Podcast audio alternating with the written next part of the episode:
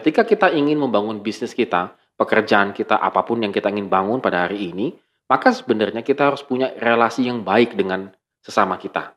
Untuk menjalin relasi yang baik dengan sesama kita, apalagi yang kurang kita kenal, kita membutuhkan yang namanya hikmat Tuhan.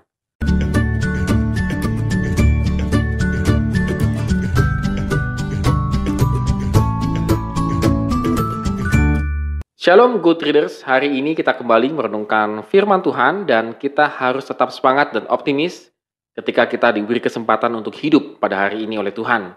Dan kita akan merenungkan dari 2 Tawarik pasal 2 ayat 1 sampai dengan yang ke-18. Tetap semangat juga ya membaca dan merenungkan firman Tuhan.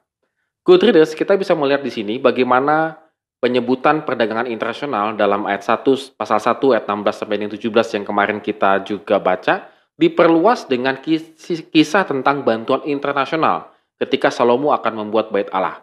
Salomo yang sungguh-sungguh memiliki pengabdian untuk membangun, bait Allah dengan antusias mengerahkan banyak pekerja, yaitu orang-orang asing sebagai kuli dan kemungkinan orang-orang Israel Utara sebagai mandornya.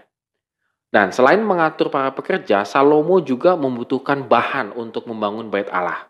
Dan ia menuliskan surat kepada Huram, raja negeri Tirus, Surat ini setidaknya mencakup tiga hal, yaitu satu permintaan kayu aras karena ia membangun bait Allah demi penyembahan yang ideal kepada Tuhan sebagai kewajiban orang Israel selama-lamanya. Di ayat yang ketiga B sampai yang keempat. Yang kedua adalah seorang ahli, ya ahli ya, profesional. Ayat yang kelima sampai dengan yang ketujuh.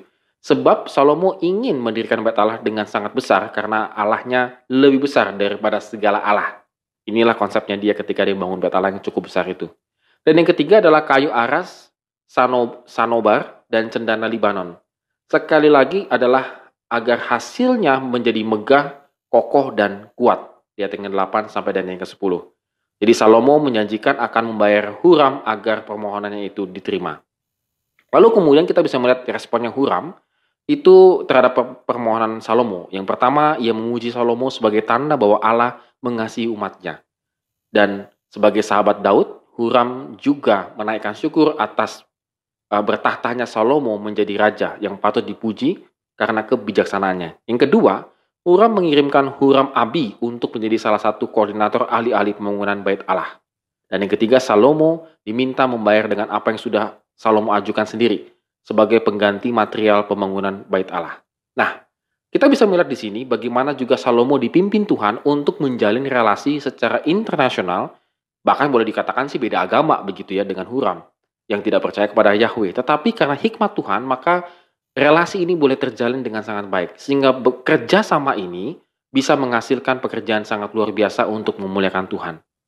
Good traders, pada hari ini juga sama saya rasa. Ketika kita ingin membangun bisnis kita, pekerjaan kita, apa pun yang kita ingin bangun pada hari ini, maka sebenarnya kita harus punya relasi yang baik dengan sesama kita. Untuk menjalin relasi yang baik dengan sesama kita, apalagi yang kurang kita kenal, kita membutuhkan yang namanya hikmat Tuhan. Seperti Salomo. Ketika dengan Huram, itu Huram kenal baik dengan Daud, dengan Daud bapaknya begitu ya. Tetapi kan belum tentu juga bisa baik dengan dengan anaknya yaitu Salomo.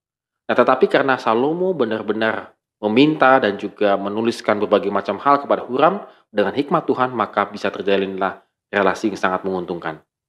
Oleh karena itu, Readers pada hari ini juga kita harus bisa demikian Ketika kita ingin membangun relasi kerjasama bisnis dengan orang lain, maka kita harus benar-benar meminta hikmat Tuhan. Apakah pertemanan, di sekolah, di kampus, bahkan di lingkungan, kita minta hikmat Tuhan supaya hubungan itu bisa menjadi berkat bagi banyak orang. Amin. Terima kasih telah menonton video ini. Have a nice day and God bless us.